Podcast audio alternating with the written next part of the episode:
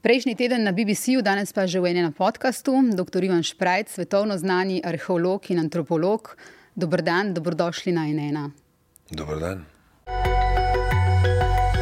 NN podcast Suzano Lovec. Lepo zdrav tudi gledalkam in gledalcem, poslušalcem in poslušalkam. O izjemnih arheoloških odkritjih bomo danes govorili, o vašem delu, dr. Šprajc, o odkrivanjih majovskih mest fascinantnih odkritjih. Uh, za to delo moraš biti malo nor, ste rekli za BBC. Uh, eh, paziti moraš na kače, mrčes, jaguarje, ampak nekaj nas žene naprej, malo moraš trpeti, če hočeš najti nekaj, kar je le malo ljudi kadarkoli videlo in je bilo skrito toliko stoletij. Kaj je torej ta motivacija, doktor Šprajc, ki vas žene čez vse to? Ja, težko je to razložiti, ampak verjetno nas vse nekaj zanima. Ne? In, uh, Mene je pač že arheologija zanimala, čeprav ni bil edini moj predmet zanimanja že v gimnazijskih letih. In potem, ko se nečesa lotiš, ko veš več, te še bolj zanima. In uh, mislim, da je to ne samo v znanosti podobno, pa tudi v športih. Zakaj pa se ljudje prizadevajo za neke rezultate? Mislim, človek ima nekaj v sebi, se pravi, ne živimo samo od kruha. No? Ne? Želimo še nekaj več, želimo glasbo, želimo umetnost, želimo tudi znanost, vedeti nekaj več. In vsako novo spoznanje ali novo odkritje je seveda tudi zadovoljstvo. In čim večji so napori, tem večje je zadovoljstvo.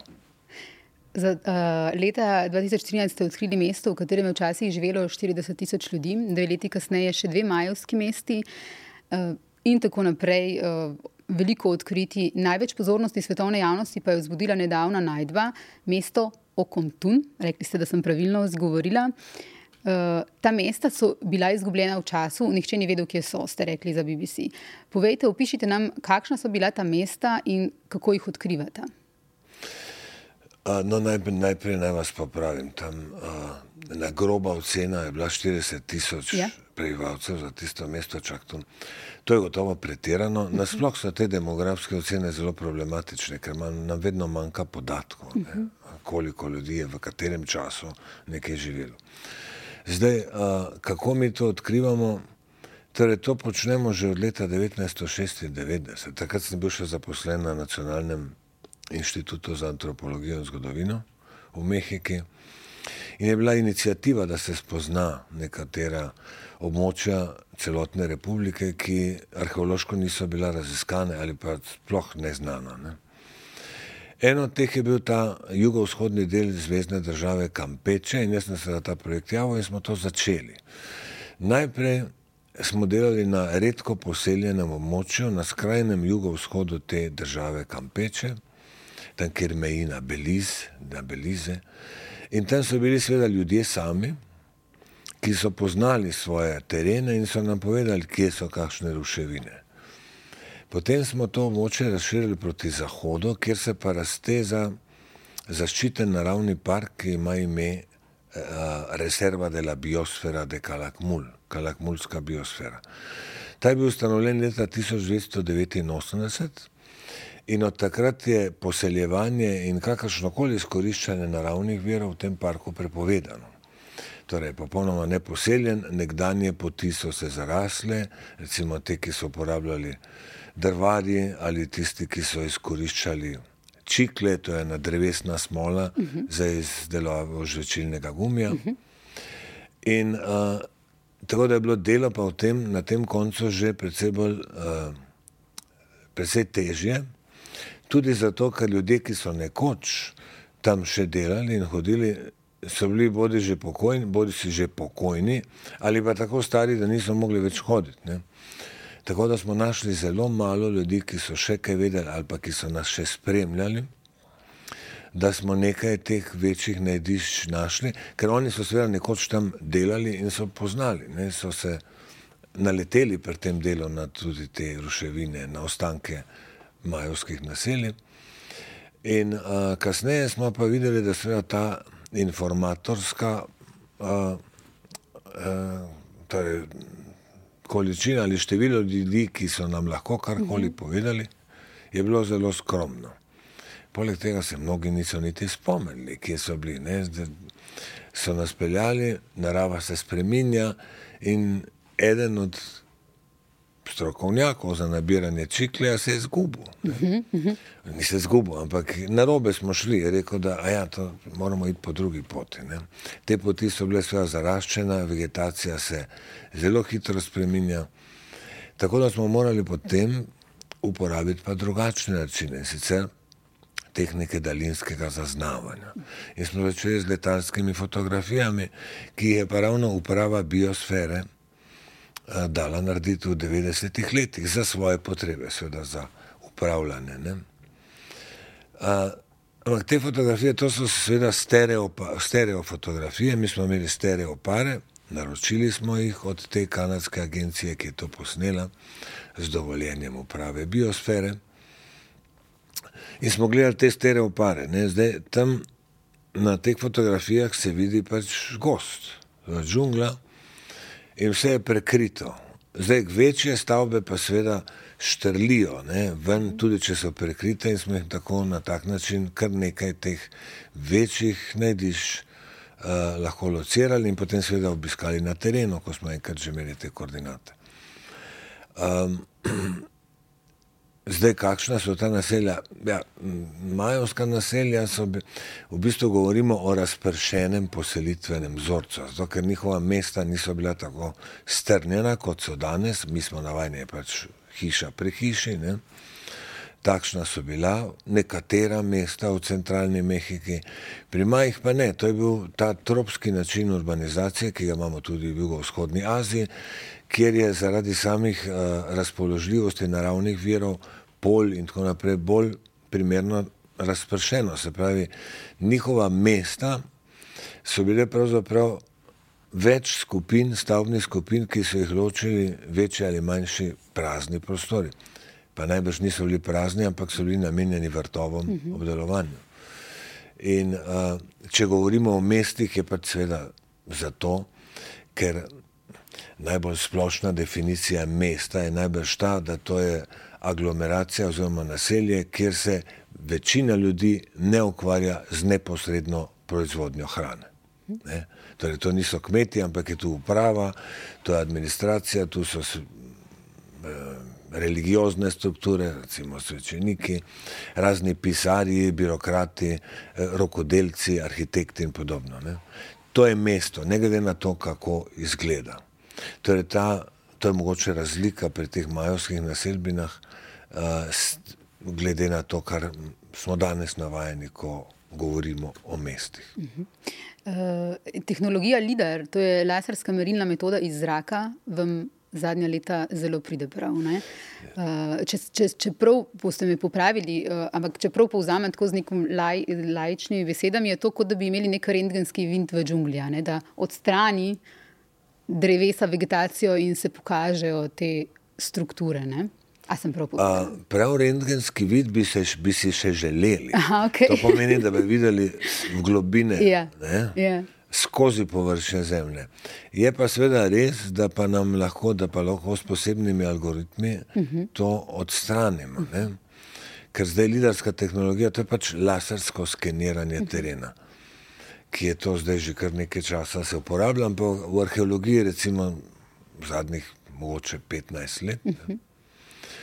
Gre pa za to, da, da seveda aparat, ki ga se montira, ali ne, neki letalnik, lahko je to tudi dron, ne, oddaja milijone laserskih pulzov proti površju, ki se odbijajo. Ne. Odbijajo se tudi nazaj v aparat in ta aparat meri čas odboja. In vsi ti pulzi, seveda, že sam aparat je georeferenciran, se pravi, ima natančne koordinate. Tako da dobimo potem eno blag točk, katerih večina se je seveda odbila, vse v našem primeru, ki imamo vse preraščeno od vegetacije. Nekateri pa vendarle prodrejo do, povr do površja, se pravi do tav. In potem lahko s posebnim filtriranjem, posebnimi algoritmi se ta vegetacija preprosto odstrani. Vse te mhm. točke, ki so, ki so se odbile od vegetacije, se odstranijo tako da imamo goli relief. Ne?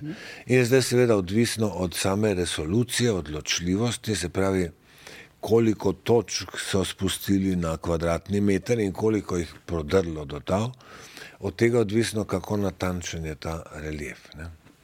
In seveda nam pomaga, mi ga zdaj uporabljamo, to šele od leta, prvič smo to uporabljali leta 2016 za eno območje v okolici Čaktuna, torej tega mesta, ki smo ga odkrili leta 2013 in uh, za okrog 230 kvadratnih kilometrov. Tako da smo pol seveda to tudi pregledali na terenu in zdaj je bilo pa za to moče, kjer smo pa zdaj letos začeli, imamo pa tudi lidarske posnetke za več izbranih con. Uh -huh.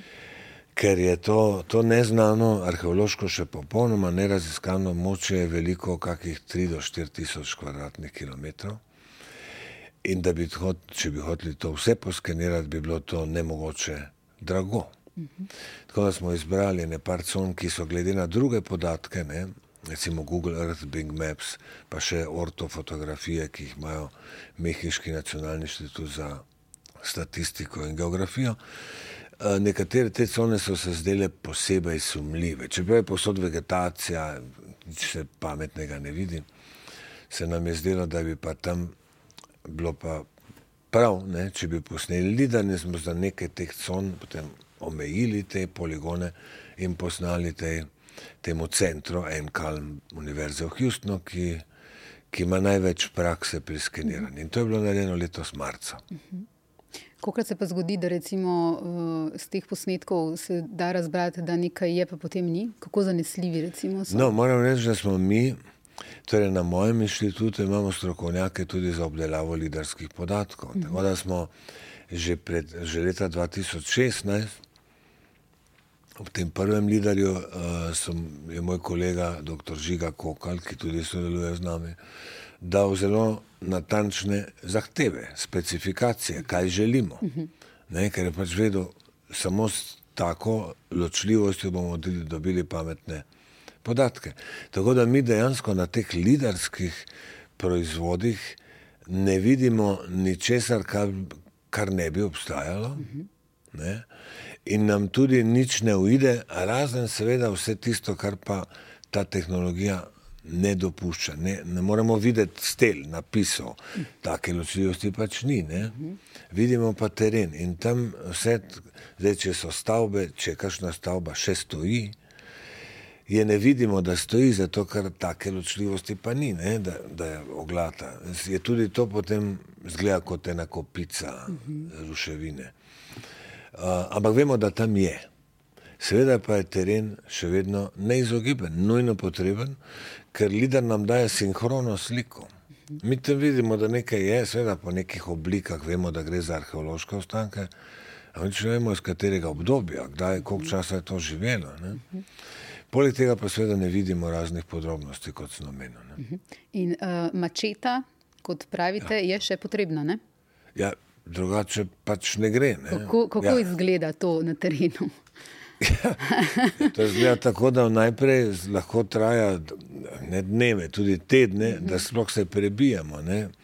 To so območja, zdaj to, kjer smo bili letos, je popolnoma neposeljeno območje preraščeno z gozdom, ampak tu so neki kolovozi, ki jih občasno uporabljajo za sečnjo lesa, torej za, izkori, za uh, izkoriščanje lesa.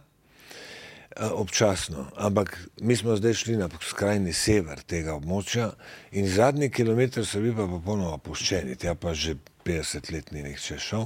Tako da smo morali, seveda, so kolovozi, vidi se, da so opuščeni, komaj se še vidijo, ampak zdaj ti naši delavci imajo seveda več prakse s tem in vidijo, ki je nekoč, ampak to je treba zdaj posekati, to je zdaj sekundarna vegetacija, to so že taka drevesa lahko. Ne? In je ne samo mačeta, ampak tudi motorna žaga. Ne? Mm -hmm. Dobro, nekoč bi bila potrebna sekera, zdaj gre seveda z motorno žago veliko hitreje. Ja, brez tega pač ne gre, to pa še nimamo tehnologije, ki je zdaj kar to uh, uparila. Um, Prelomno odkritje slovenskega arheologa, to so bili naslovi januarja letos, eh, ko ste odkrili, da je bil majovski koledar veliko starejši od tega, kar se je domnevalo, ocenjevalo prej.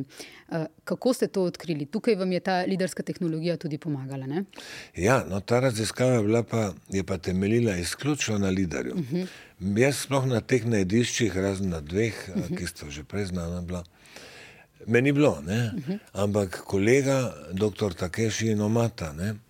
ki pa že nekaj let dela na tem območju, uh, torej prej je seveda delal marsikje uh, po majovskih nižavih, ampak on je potem začel in njegovi sodelavci so začeli pregledovati lidarske slike, te uh, reliefe, ki jih je dal že pred leti napraviti Mehiški nacionalni inštitut za statistiko in geografijo in so ti lidarski posnetki prosto dostopni.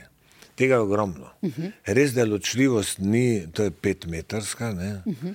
ampak tudi na teh je bilo mogoče videti nekatere ogromne komplekse. Ne?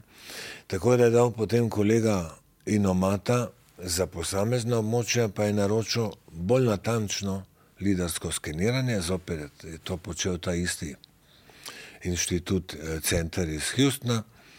No in potem so odkrili neverjetna najdišča, o katerih prej nihče sploh ni vedel. To so tako ogromne, torej največje, recimo Aguada Phoenix. Ne? To je platforma, ki je dolga 1400 metrov, široka je 400 metrov, viš, vsega pa v višino tja do 10 metrov, med 5 in 10 metrov, ampak vse to je zemljena platforma. To je južna obala Mehiškega zaliva, torej ne obala, ta vzdolž južne obale, kjer so danes pose, posestva, goj, torej polja, eh, ranči, govedo se pase, naselja. In to je vse nekako preraščeno, malo je trava, malo je gost, malo so nasadi.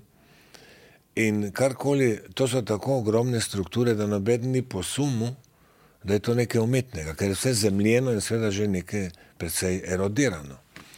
Še na teh lidarskih posnetkih se pa videlo, da to je.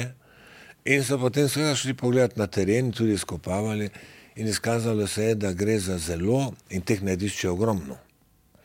Torej, vseh najdišč, ki so jih našli s pomočjo lidarja, to gre v tisoče, več deset tisoč, več sto je pa večjih teh kultnih ali upravnih centrov. Ne?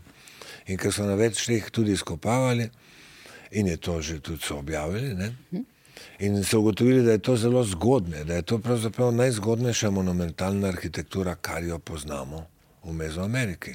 Torej, od 1400 pa tja do 750 pred našim štetjem. No, in ko sem te objave videl, kako je to vse vidno na lidarju, sem pisal Takešijo, sem rekel, ja, kaj pa če bi naredili eno arheoastronomsko študijo teh orientacij, nekaj je toliko teh kompleksov, da lahko tudi naredimo nekaj, da bodo rezultati tudi statistično pomenljivi. Ne? Ker če imamo eno samo stavbo, ja, kakorkoli je orientirana, vsakdo lahko reče, je pač slučajno. Ne? In ker sva že prej sodelovala, je seveda rekel, ja, ja, tako mi je poslal vse, vse podatke in on je seveda prispeval uh, vse arheološke podatke, ki so pomembne, ne samo kontekst, kronologija.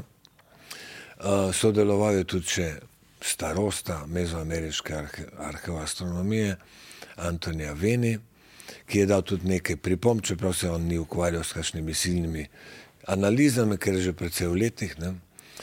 Uh, no, in tako je to nastalo. Zdaj, mi, jaz sem potem lahko na lidarju izmeril orientacije za več kot 400 teh stavb, uh -huh. in potem, seveda, kot človek to da v neko grafično podobo, uh -huh. analizira, čemu na nebu to ustreza, se vidi, da, da je samo nekaj teh referentov nebesnih, ne, ki se pa ponavljajo tu, tam in tam. In pa seveda ni mogoče, da bi bilo to slučajno. Uh -huh. Vi ste eden vodilnih strokovnjakov na svetu da, za uh, arheoastronomijo. Ja. Uh, in uh, ta najdba, oziroma to odkritje, no, uh, to razkritje je bilo res, uh, vsi so o njem, o njem poročali. Ampak kaj je po vašem mnenju um, najbolj prelomno, pač razen da zdaj vemo, da to datira veliko, veliko, veliko bolj nazaj, kot smo mislili. Uh, Um, kaj lahko ja. iz tega sklepamo? Torej, že prej smo vedeli, da je seveda. Ti podatki, te orientacije so potem povedali, da je astronomija v Mezoameriki veliko starejša. Tako. Poleg tega je pa struktura teh datumov, večina orientacij se nanaša na Sonce, uh mhm. -huh. na Sončeva vzhajališča in zahajališča na določene datume. In zdaj struktura teh datumov uh, je pa ni mogoče razložiti drugače kot v povezavi uh, z mezoameriškim koledarskim sistemom. Uh -huh. Zlasti z 260-dnevnim ciklom, ki je kombinacija 13 in 20 dnevnih obdobij. Ne? Dajte nam razložiti to razliko uh, nam lajkom med 260 in našim letom. Ja, kako, je, kako ona dva korespondira? To je nekako tako, kot če bi uh, nas ne, kdo vprašal, ja. dajte mi razložiti, kakšna je razlika med 365-dnevnim letom in tednom. Uh mhm. -huh. ja, dva cikla sta pač. Okay. Yeah. Uh, in tako kot naši tedni uh mhm. -huh. potekajo skozi leto. Istočasno in kontinuirano, ne glede na mesece in leta, ne, uh, ker prvi v mesecu ni vedno isti dan v tednu. Ne. Enako je potekal 260-dnevni ciklus. Uh -huh skupaj s 365 letom. Se pravi, ko se je en končal, se je takoj naslednji začel. Ne? In je bilo pač potrebno, in seveda, datumi, vsak dan se je imenoval kot datum v 260-dnevnem ciklu in kot zaporedni dan v 300, meseca v 365-dnevnem letu. Torej, tako kot mi rečemo, da je danes petek, 14. dan julija bi oni rekli, da je danes, dobro, zdaj ne vem točno, kateri dan bi bil, yeah. bi bilo treba pogledati korelacijo, bi rekli, danes je dan dva trs. V pete, petega dneva v mesecu tem in tem. Mm -hmm. Samo da oni so imeli pač mesece, so, ali obdobja, ki so imela po 20 dni. Mm -hmm. um, zakaj 260? A, to je pa vprašanje, na katerega še vedno nimamo zanesljivega odgovora. To je edinstven ciklus v zgodovini človeštva. Nekjer drugje se česa podobnega niso spomnili. Ne? Zakaj zdaj meni, pa tudi mislim, da kar večini moj, mojih kolegov, se zdi še najbolj verjetna ideja, da je osnova bila pravzaprav človekova obdobje nosečnosti, nosečnosti. gestacije. Mm -hmm. Uh, ker, pa ne samo zato, ker nekatere indijanske skupnosti v Gvatemali to izredno še rečejo, mm -hmm. ja, to je zaradi mm -hmm. in tudi uporabljajo ne, uh, za, za napovedovanje nosečnosti. Zdaj vemo, da je seveda nosečnost malo daljša, mm -hmm. pri človeku je malo daljša, ampak oni, oni uh, si zabeležijo dan, izostanka. Zabeležijo, ko prvič pogreša menstruacijo, menstruacijo uh -huh. ženska. Od takrat, no, ko je pa to eh, neki datum, kaj je ena kača, yeah. vejo, ko se bo ponovil dan ena kača, bo dan rojstva ali pa zelo blizu. Uh -huh. ne, tako, uh -huh. Na ta način ga še vedno uporabljajo. Res pa, da uporabljajo tudi za poljedelstvo in seveda za astrologijo. Uh, vsak ta dan ima neke, neka, ne, neke pomene za, za srečo v poslu, za ljubezen, za karkoli. Uh -huh. uh, nekateri mediji vas imenujejo slovenski Indiana Jones. Uh, Guardian vas je celo imenoval Indiana Jones iz resničnega življenja. Za mladino ste pred desetimi leti, ko ste dali intervju našemu staršu Zgoniku, rekli, da vas ne moti za res, če vas primerjajo z Indiano Jonesom, da pa Arheologi nismo taki kot Indiana Jones, Indiana Jones je takšen kot mi. ja. dobra, ja. dobra izjava. Ja, Indiana Jones je narejen po prototipu nekih arheologov prve polovice 20. Uh -huh. stoletja. Uh -huh. Dobro, noben ni hodil z bičem okrog, ampak oboroženi so pa še bili, ne, yeah. Ja. takrat v teh manj varnih krajih. In seveda, zaradi tega, in on je fiktiven, ja, mi smo pa realni. Realni, ja. Uh, pa tudi sicer se mi zdi, da uh, pogosto uh, mediji nekoga tako uh, imenujejo Indiana Jones, ko smo, um, ko smo se obrnili glede mnenja o egipčanski mumiji, ki je tukaj, ki jo hranijo v Slovenskem narodnem muzeju, na uh, dr. Zahija Havasa. Ne, sem videla takrat, ko smo pisali o tem, uh, sem videla, da ga tuji mediji imenujejo uh, egipčanski Indiana Jones. Ja. Ne, tako da zgleda, da je to zelo pogosto. Uh, v bistvu je paradoks, da ja. je najbolj famozen arheolog vseh časov je ja. fiktivna oseba. Ja. In zdaj nas imenujejo po njem. Ja. Vas pa ne moti, ne? še vedno. Ja, Tako kot ste takrat rekli. Ja. Ja. Uh, uh, oba, oziroma pogosto arheologi nosite tudi ta klobuk. Mogoče zaradi, ja. tudi, zaradi, tudi zaradi tega mediji posežejo po tej primerjavi, ampak vi ste, brala sem, ne, že pojasnili, da v bistvu vi ta klobuk nosite um, zaradi tega, da si um, glavo pričuvate Zato, zaradi ker, zabijanja ja, v veje. Zato, ker gledaš po tleh Ja. in pol ne vidim, da sem obutno, kakšno Ja. vejo. ne. Ja, ja. Ja. In je klobuk zato tam, da vas ščiti v bistvu Ja, da pred, nas ščiti, eh, pred ja. vejami. ne. Um, iz vaše knjige uh, Izgubljena mesta, v njej pravite, med drugim, izjemno lepo je napisana, poljudno. Um, tropski gost ima čudno moč. Neskončna zelena goščava sti- zastira pogled, ovira gibanja in daje občutek nemoči. Težave in nevarnosti prežijo na vsakem koraku. Toda nezamenljivi vojn po vlagi, bujno rastlinje, prhutanje ptic, katerih raznolikosti in glasovi presegajo vsako domišljijo, kričanje opic in njihove razposajene akrobacije po vejah, celo brenčanje insektov, vse to so milijoni dražljajev, ki se trdno zasidrajo v neke možganske celice in pustijo ne le globok vtis, temveč tudi željo po vrnitvi. Ta želja po vrnitvi vedno obstaja. Ja. Je na neki, vas je na neki točki to, eh, iz tega zapisa bi rekla, nekako zasvojilo. Ja, jaz mislim, da to je zasvojenost. Ja. Um, pa mislim, zakaj nas to doleti, to je najbrž bolj vprašanje za kakšne psihologe. Ampak lahko bi tudi alpiniste vprašali, zakaj pa še vedno kar naprej rinejo v hribe, pa čeprav vejo, da je nevarno. Ne? Ja, neka želja, po, dos, ne, da nekaj dosežeš, po nekem uspehu, to je to. Ja. Pa seveda lepote. Ja, ne. Ima svoj čar. Ja. Karla Maja ste brali v otroštvu. Prosim? Karla Maja ste brali v otroštvu, ste Ja, rekli, tle se je začelo, ampak to je bil zgolj nek. Ja, ja, prvotni. tam se je nekako začelo, potem sem začel malo bolj resne knjige brati o severnoameriških indijancih in potem sem malo odkril, da se je marsikaj zanimivega dogajalo tudi predvsej bolj južno. Mm. Uh, Maji so bili odlični astronomi in matematiki, kaj so vedeli in česa ne. No, Maji so bili seveda za glede na, vedno rečemo, da so bili zelo dobri astronomi. To je najbrž zato tudi, uh, ker nekako ljudje so, smo ali pa so bili presenečeni, da neka kultura, neko ljudstvo, ki je z tehnološkega vidika živelo v kameni dobi, Pa meni dobi, ja, ker ja, ker niso. nisem poznal ja. nobenih uporabnih kovin, da je pa kljub samo ne, uh, bilo sposobno takih dosežkov. Ker iz starega sveta smo navajeni, da vse te odlični astronomi, Babilon, Egipt, ne, ja, to so bile kulture, ki so temeljine že na uporabi železa, no, v zgodnih obdobjih mm -hmm. pač na uporabi brona, ki je pa kljub samo bolj uporaben kot pa zlato ali pa bakar. Ne. No, uh, Maji so seveda marsikaj vedeli, uh, Mari so poznali recimo sinodski ciklus Venere, ne, da je to 584 dni. Uh, to je pa čas recimo od prvega pojava Danice do naslednjega zopet pojava Danice. Ne.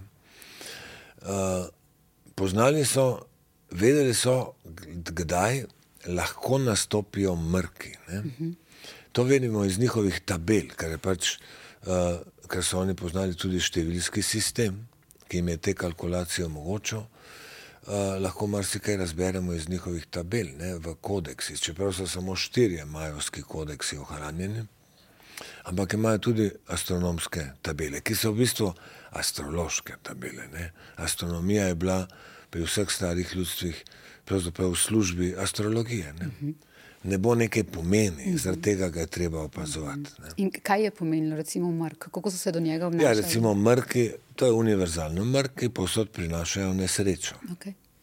Ja, zato, ker mrk je nenapovedljiv, oziroma maji so že vedeli, da lahko se ponavljajo samo v določenih intervalih. Niso pa znali napovedati, ali bo res vsak mrk viden na njihovem območju ali ne. Do tega še niso prišli, vedeli so pa, da obstaja neka pravilnost. Ampak za večino ljudi na svetu, recimo nekoč, ne, uh, so mrki nekaj, kar moti nebeško harmonijo, ne, to popolnost. Ne bo večina uh, dogodkov, ki so enostavno opazni, se ponavljajo vedno v istih intervalih. Ne? Pojav določenih zvezd ob določeni uri noči, uh, točka, kjer sonce vzhaja na horizontu, ne? to sonce se premika in se vrne vedno v istem intervalu. Zato je seveda sonce postalo model božanske harmonije, ne? dovršenega reda. Konec koncev beseda kozmos, grška beseda kozmos, originalno pomeni samo red. Ne?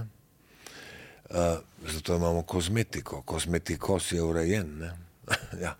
Šele kasneje, ker je v nebo bilo to model reda, se je ta beseda začela uporabljati kot sinonim za vesolje. Ne? In zdaj, seveda, vse tisto, kar pa na vides moti ta nebeški red, uh, ja, to je pa zelo, zelo znamenje. In tako so bili mrki, supernove in razni taki pojavi, ki jih je ne mogoče, pa je zelo težko napovedati. Ne. Venera je imela tudi mnoge. Venera je bila kot večernica povezana z dežjem in koruzo in z rodovitnostjo. In to najverjetneje zato, ne, ker se pač eni pojavi večernice vedno uh, zgodijo v istih sezonah, v istih letnih časih. Torej, ob nastopu deževne dobe in ob zaključku deževne dobe. To je pa seveda tudi čas poljedelskega cikla. Kar je pa bistveno za preživetje. Ne? Tako da Venera je bila tudi eden od teh nebesnih dejavnikov, ki so prinašali dež po njihovih verovanjih. Um, takrat, pred desetimi leti, ste v tem intervjuju za mladino uh, na vprašanje, katero lajčno vprašanje v zvezi z Maji vam gre najbolj na živce, odgovorili, da načeloma nobeno, da pa so vam takrat ne, bila v zadnjem času precej nadležna vprašanja v zvezi z 21. decembrom lani, torej 2012, in koncem majskega koledarja in s tem domnevnim koncem sveta. Predvsem zato ste rekli, ker so bile tako množična ta vprašanja in ker so mnogi ljudje tako lahko verni. Pa ne lahko verni v smislu, da bi verjeli majem, temveč najrazličnejšim sodobnim prerokom, ki si izmišljujejo katastrofične napovedi brez realne podlage. Maj namreč o tem datumu niso zapisali eh, nič takega. Ne? Vendar je očitno večini ljudi pretežko, ste rekli, da bi pogledali izvirne podatke, ampak raje verjamejo temu, kar se valja po internetu. S koliko miti glede majev se pa raziskovalci srečujete? Koliko česa? Miti. Koliko je tega v obtoku, te, te neke, uh, to, kar se valja Jaz po se internetu, bojim, kot ste jaz rekli? se bojim, da je tega vedno več. Mm -hmm. Jaz mislim, da nikoli na Zemlji ni bilo toliko ljudi, ki bi verjeli v plosko zemljo, mm. kot jih je danes. Zdaj, jaz se bojim, da temu pripomorejo tudi ta družabna omrežja in sploh sistem interneta, ker jasno je, da tisto, kar bereš, ti potem sam sistem še ponuja. Mm -hmm. In potem berejo ljudje samo to. Tako je. Ne, to je pa zdaj seveda problem uh, tega, te moderne tehnologije, ki nam pomaga v marsičem, v tem primeru pa to ni. In zdaj, to zdaj mogoče sledi smešno mnogim, ne? Ampak stvari niso smešne. Mnogi ti plosko zeml, zemalci, ali kako bi jim rekli, postajajo nasilni. Ne? In to seveda druge stvari, druga ta skepsa v znanost ja. je pa seveda tudi lahko celo škodljiva. Seveda. Vidimo, kaj se je dogajalo s. Cepljenjem. Ne, in tako, to pa lahko potem škodi ne samo skeptikom, Ampak temveč vsem ostalim. Seveda. Tudi glede podnebnih sprememb, recimo. Ne? Ja, no. Tako da je to, uh, to pa je nadležno. Sicer pa mislim, jaz z veseljem odgovorim na vsako vprašanje, zato ker vidim, da večina ljudi je seveda še vedno, večina ljudi rada sliši argumente, si jih sprejme, ker jim pač skušam razložiti, ne, tudi vesolci in tako naprej. Pa maj in vesolci. Aha, maj in vesolci je tak Ja, mit. to Okay. še vedno. Ja. Ja. ja. In kako da je to bilo nemogoče s preprosto tehnologijo. Ja, vemo, vse postaja eksperimentalna arheologija. Marsičesa še vedno ne vemo, to je dejstvo. Ampak ne moramo zdaj za vsako uganko pa kar vesolce priklicati. Mislim, to so. Vse to vemo, da toliko je bilo že denarja vloženega v iskanja zunaj zune zemeljske civilizacije, ampak zaenkrat nimamo nobenega rezultata še. Ne? To ne pomeni, da kje pa n- živi nekam. Ne? Ali je živela, ker zamislite si, kako majhna je verjetnost, da bi mi živeli istočasno z neko drugo. Drugo. Mislim, ta naša civilizacija traja kaj, deset tisoč let?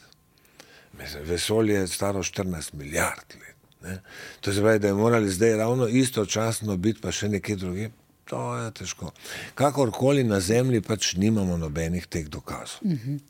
Uh, Majovsko civilizacijo v svoji knjigi imenujete uh, ena najbolj sjajnih in zanimivih civilizacij v zgodovini človeštva. Zakaj? Uh, mislim, gotovo je verjetno del odgovora, boste povedali tudi to, da bili so zelo napredni, pisava, koledar in tako naprej. Uh, a niso uporabljali kovin, kot ste rekli, oziroma niso jih uporabljali v gospodarske namene, ne uporabljali so jih za okrasje, um, ne za urodje. Torej, kamena doba, hkrati pa neka izjemna razvitost. Je, ja. je to eden od teh. Uh, Torej, kovin sploh niso v klasični dobi, ni nobenih kovin. V bistvu se zlato in srebro tudi drugot po Mehiki, po Mezoameriki pojavi šele kasneje, ne, v poklasični dobi in takrat so bili izjemni umetniki za to.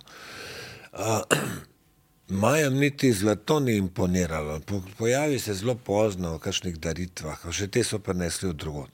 Za njih je bil najbolj dragocen žad. Zbaj, nobene kovine tam ni bilo, orodje in orožje je bilo iz kamna, lesa, uh, kosti, školke mogoče ne? in podobno. Se pravi, taki materijali. In zdaj jasno, da je bilo, je presenetljivo, ne, da taka uh, kultura kamenodobna uh -huh. doseže toliko drugih stvari. Uh -huh. Med drugim seveda sistem zapisovanja števil z mestnimi vrednostmi. Torej, tak sistem zdaj mi uporabljamo. Maji so uporabljali 20 tiške, mi imamo 10 števkov, oni so uporabljali 20. Ampak sistem števil z besnimi vrednostmi seveda omogoča zapisovanje ogromnih števil in tudi so razmerno enostavne računske operacije. Tudi zato so očitno maji lahko prišli tako daleč v astronomskih spoznanjih, ne? ker so lažje preračunavali. Zdaj si pa mi zamislite, kako pomnožite z rimskimi številkami. Prvič, kako bi zapisali z rimskimi številkami milijon dvesto oseminšestdeset tisoč petsto dvanajst. Ja, to so maji lahko napisali. Njihovi datumi, ne, nekateri segajo daleč v mitološko preteklost, milijone let in drugi daleč v prihodnost. Ampak so se lahko igrali s temi številkami, ker so to lahko zapisali. In seveda ta sistem v bistvu so ga iznašli že njihovi predniki, olmeki. Ne? Ta sistem je omogočal tudi ta napredek v astronomskem znanju. Zdaj, druga stvar, ki je pa bila presenetljiva, vsaj nekoč, no, ne, ko so našli prvič ta velika mesta v džungli, a, ja, za ljudi je bilo kar nepojemljivo. Bili so navajeni na Egipt, Mesopotamijo. Ne. Uh, tam pa kar naenkrat neka civilizacija, kar v džungli. Uh -huh. ja, niso razmišljali, takrat, ko so bila mesta, ni bilo džungle, ne, je bilo uh -huh. to izsekano, uh -huh. je bilo gozda bistveno manj kot uh -huh. je danes. Uh -huh. Ampak vsekakor je ta, to okolje je seveda uh, prispevalo k tej fascinaciji imajo. Uh -huh. uh... Idealizirana in romantizirana predstava o zgodovini Majev, da so bili miroljubni učenjaki, je veljala kar dolgo. Kako se je spremenilo to znanje o njih? Eh, vi ste napisali, odreči jim moramo nečloveško popolnost, pravite v knjigi, za raziskovanje pa zato niso nič manj zanimivi kot nekoč. Ja, seveda, zdaj pač so bili ljudje, tako kot ne, krvavi pod kožo, z vsemi kvalitetami, z vsemi slabostmi. Ne, tam nič niso bili drugačni. Uh -huh. ja. Ta slika je pač nekoč temeljila na tem, da nismo še znali brati pisave, uh -huh. pa nekako ni, ni bilo še znanih toliko upodobitev, ki, upo, ki bi upodabljale uh, spopade ali pa recimo tlačenje ujetnikov in podobno. Pravzaprav je čudno, da se je to toliko časa obdržala, ta še v 40 letih, v 50 letih sta dva velika. Ne? Raziskovalci imajo opisali, da so bili maji popolnoma drugačni. Uh -huh. uh, težko je danes to verjeti, ker imamo toliko prizorov spopadov, mučenja ujetnikov in seveda v napisih hvale, sama hvala, kdo je koga premagal. Skratka, ista blamaža kot kjerkoli drugo. Krvavi pod kožo, ja. kot vsi drugi. Ja. Uh, kdo so bili elita, kako so bili razslojeni? Kdo? Kdo so bili elita, kako so bili razdeljeni? Torej, njihov sistem še vedno slabo razumemo, zato ker o tem niso nič pisali. Uh mhm. -huh. Njihovi napisi, torej tisti štiri kodeksi so tabele, astrološke, razne napovedi, priročniki za kmeta. Ne? V monumentalnih napisih pa ni nič, tam so pa samo dinastični dogodki, kdaj se je kdo s kom poročil, ne? Pomembne uh, dinastične povezave, kdaj je kdo koga premagal in take zadeve, politične. O samem strukturi nimamo nič, imamo neke naslove plemiške, ne? tako da lahko vidimo, da je bila neka hierarhija, ki je bila na neki način podobna feudalizmu. Zdaj, kakšni so bili pa detajli, ja, o tem se pa še vedno krešejo mnenja. Imamo take teorije, malo drugačne, ampak gotovo je bila neka vrsta feudalizma, pa recimo tega čemu so nekoč rekli orientalni despotizem, podobno kot Babilon, stara Kitajska, nekaj takega. Ne? Samo da Maji niso bili nikoli, nikoli nastal imperij, nikoli niso bili združeni v eni sami državi. Vi to njihovo pisavo znate brati?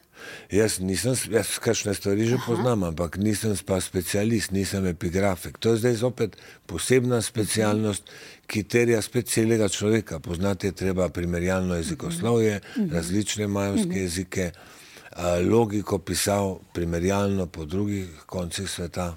Ste pa že povedali, da recimo govorite pa kar nekaj, kar veliko ah, besed. Ne govorim, ja, besede, besed tako, tako. Ja, ja.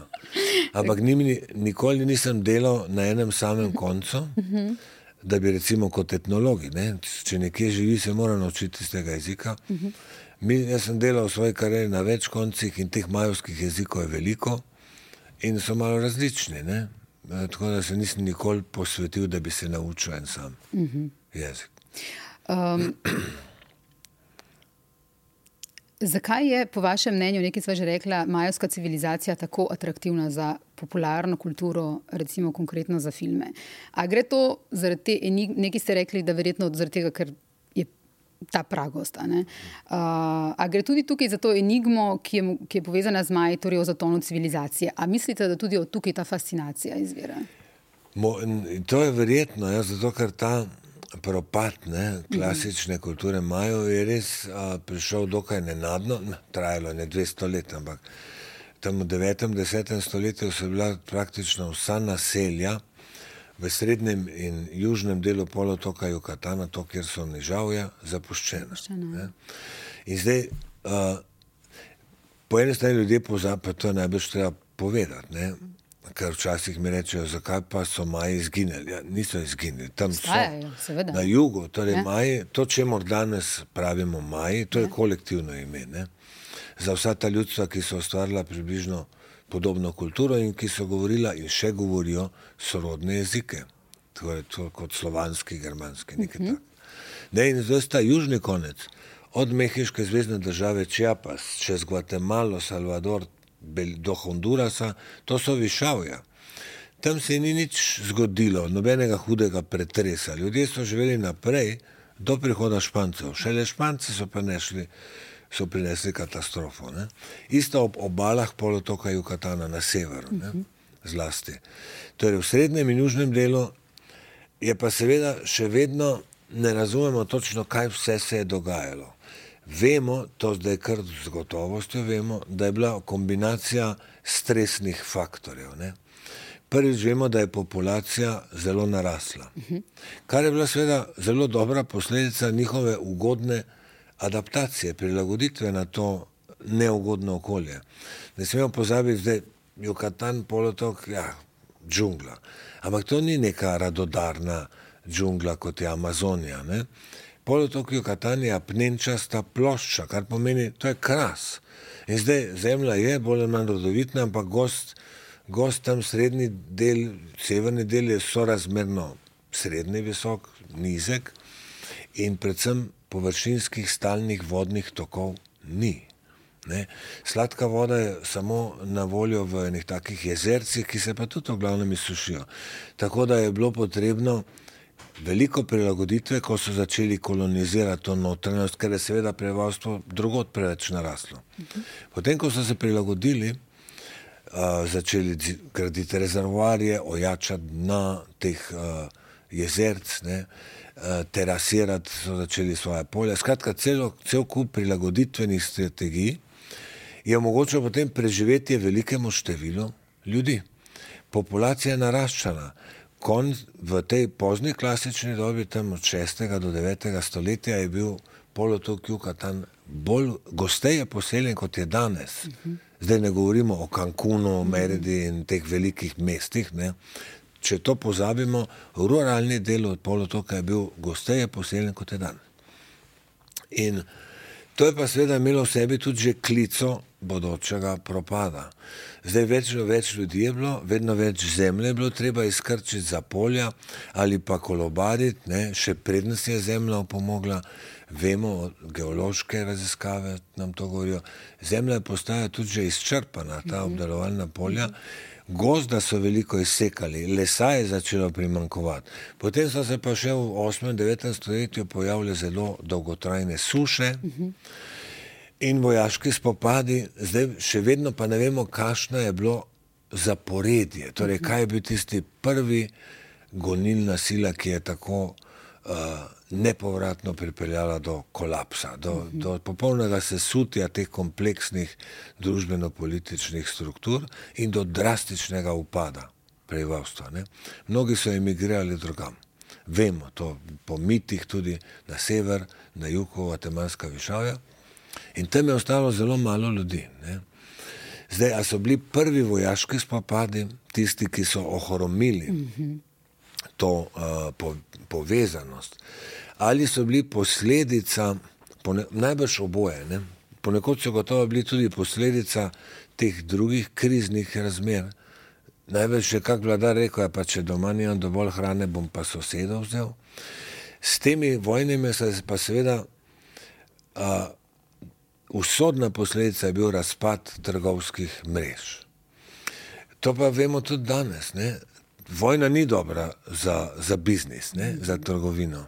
In zato so vsi tradicionalno trgovski narodi bili vedno, kot je Dubrovniška republika, oni so bili vedno za pogajanja, ne bomo se kregali, pa ni trgovine. Ne? In seveda z vojnami se je trgovina presekala. In majovske kulture si pa ne moremo predstavljati brez trgovine na dolge razdalje. Recimo trde kamnine, zlasti obsidijan, vulkansko steklo, ki je bilo potrebno za, dob, za fina urodja, puščice, suličnosti. To je na voljo samo v Guatemali in centralni Mehiki, tam, kjer so vulkanska območja, pa še to samo na določenih ležiščih. Pa razne druge stvari, ne, eh, ki so si jih izmenjavali. Tako da, ko se je trgovina sesula, je bilo konc te žat. Nekaj. Žat je bil za, ma, za Maje najbolj dragocena surovina. Kralji so se krasili z žadastimi uhani, naprstnimi ploščami in skratka, cel kup okrasja. Ampak žat, ležišča žada so samo v dolini reke Motagua v Guatemali, pa zdaj pred par leti so odkrili še eno drugo, ampak tudi v Višavih. Ja, zdaj, če niso imeli vladarji za svoje luksuzne predmete, ja, najbrž so tudi ljudje rekli, pa kakšen vladar, če še zažal. No, skratka, cel kup je bilo teh uh, faktorjev, ki so pripeljali do tega, res pa, da ne vemo točno, kako se je pa vse začelo. Mm -hmm. Kaj je sprožilo? Kaj, kaj je sprožilo? Mm -hmm. uh, kako gledate ob tem na film Apokalipto iz leta 2006? Uh, to je film Mela Gibsona, yeah. Ja. um, ki govori prav o tem, torej o zatonu majovske civilizacije. Moje vprašanje je, kako dobro ali kako slabo, po vašem mnenju, prikaže neko to zgodovinsko realnost. Ja, to, to je film, ki je akci, odličen akcijski film, ki pa Maje predstavi popolnoma zgrešeno. In ja, mislim, najhujši, največji, najbolj jaz zamerim Melo Gibsonu, pa seveda tudi Indijanci. Okay je to, da so v filmu prikazani kot, kot ljudstvo sadističnih morilcev. Mm -hmm. Mislim, seveda so žrtvovali ljudi, ampak ljudi so žrtvovali marsikje po svetu. Ne? Spomnimo se še na sveto pismo. Ne? Abraham hoče žrtvovati sina Izaka, potem, da bi dokazal lojalnost ne? Bogu. Bog mu pa sicer reče, ni treba, Ampak, če pridejo na to idejo, pomeni, da je seveda nekoč so žrtvovali ljudi in vemo, da so jih, ne? tudi v sredozemlju. Tako da to žrtvovanje je, je bilo tam, vemo, da je bilo. Bile so tudi priložnosti, ko so več ljudi žrtvovali naenkrat. Ampak uh, takega holokausta, kot je prikazano v filmu, pa ni bilo. Ne? In seveda, kot zgledajo, kot da so zdaj oni naslajajo pri tem žrtvovanju. Mislim, seveda je bila religija tudi pri Majih, tako kot povsod in je še danes, zlorabljena za posvetne in politične namene. Ja. Ampak osnova teh, te, teh verovanj je bilo pa nekaj, kar nas očitno veže, ne? homo sapiensa na določeni stopni razvoja povsod po svetu. In tako da to je gotovo popolnoma zgrešeno, poleg tega je pa en kupenih anahronizmov, ne? mm -hmm.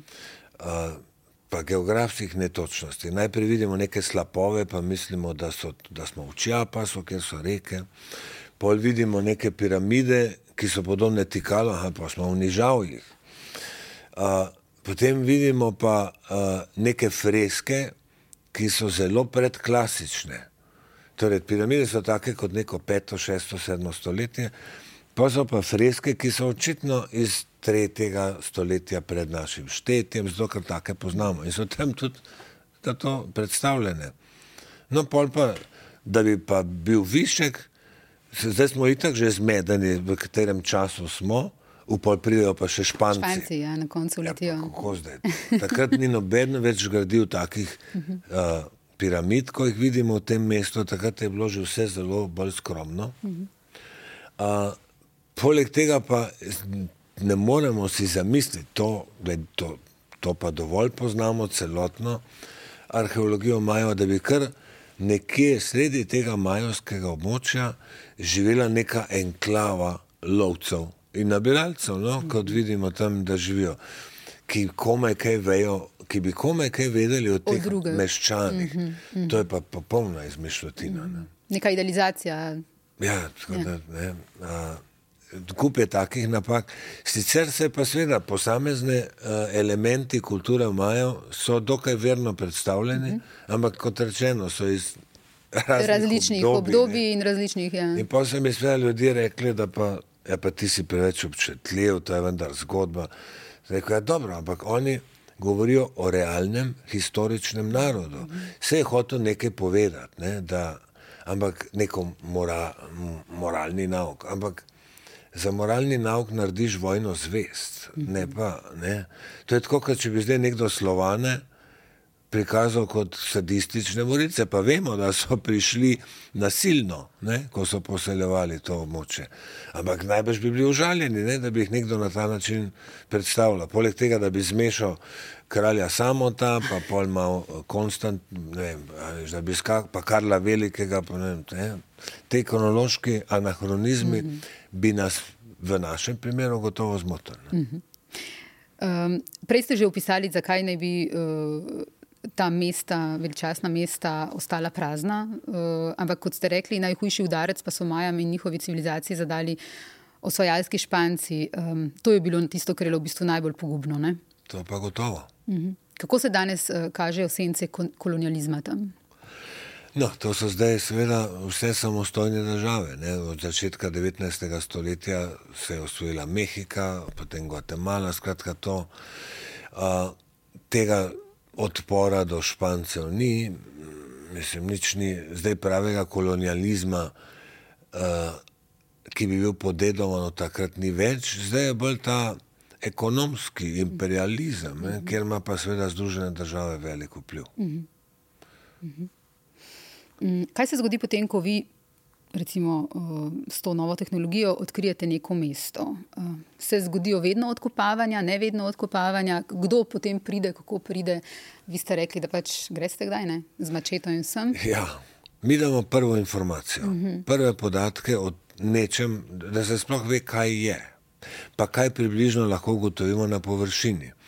Izkopavamo ne razen manjših testnih izkopov, da vidimo stratigrafijo, da vidimo nekaj osnovnih, da dobimo vsaj prve kronološke podatke o, življ, o času, v katerem je neka naselbina živela, ali pa ne samo naselbina, tudi razne terase, kdaj so bile uporabljene.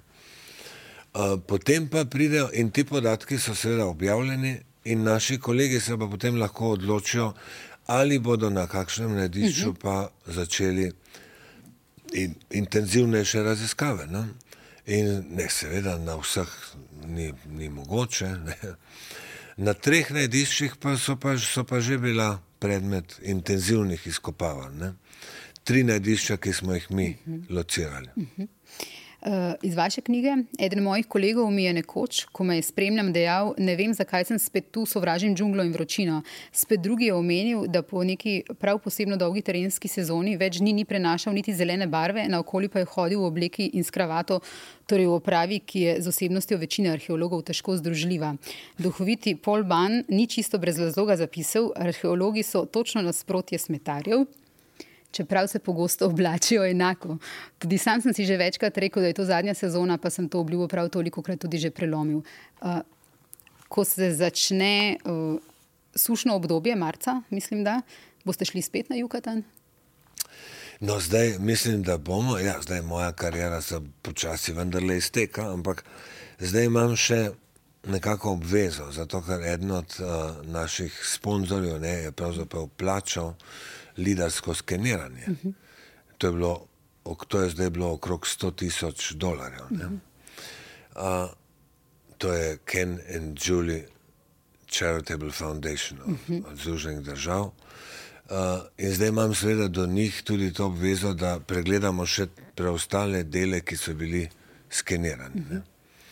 Tako da vsaj še eno sezono mislim, da bomo, bomo naredili. No, zdaj, seveda, zopet je odvisno od finančnih sredstev, ne, koliko jih lahko pridobimo. Zdaj to sezono mi si seveda vedno pomagamo z, z sredstvi, ki jih a, dobimo od agencije za javno, a, od javne agencije za raziskovalno, znanstveno raziskovalno in inovacijsko dejavnost, ne, kot se zdaj imenuje. Uh, oni nam dajo sredstva za naše projekte in programe. Ampak tvega tu ni dovolj, torej mi moramo še dobiti dodatna sredstva. In, Kako se financirajo potem? Ja, letošnjo odpravo so dodatno eh, financirali, poleg te ameriške fundacije, ki plača lidersko skeniranje, še Milwaukee Audubon Society, tudi iz a, Združenih držav Amerike. Pa pri nas pa podjetja, kot so Adria Kombi, založba Roko Sklet, mhm. akademska potovalna agencija Ars Longa. In uh, koga sem še pozabil? No, to je bilo v glavnem vse. Ja.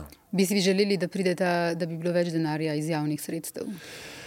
No, to bi si vedno želeli, mm -hmm. ampak seveda uh, vemo tudi, da so sredstva omejena in da zdaj sredstva primankuje še za kakšne verjetno bolj urgentne zadeve. Mm -hmm. uh, vi ste tudi profesor na filozofski fakulteti, ne?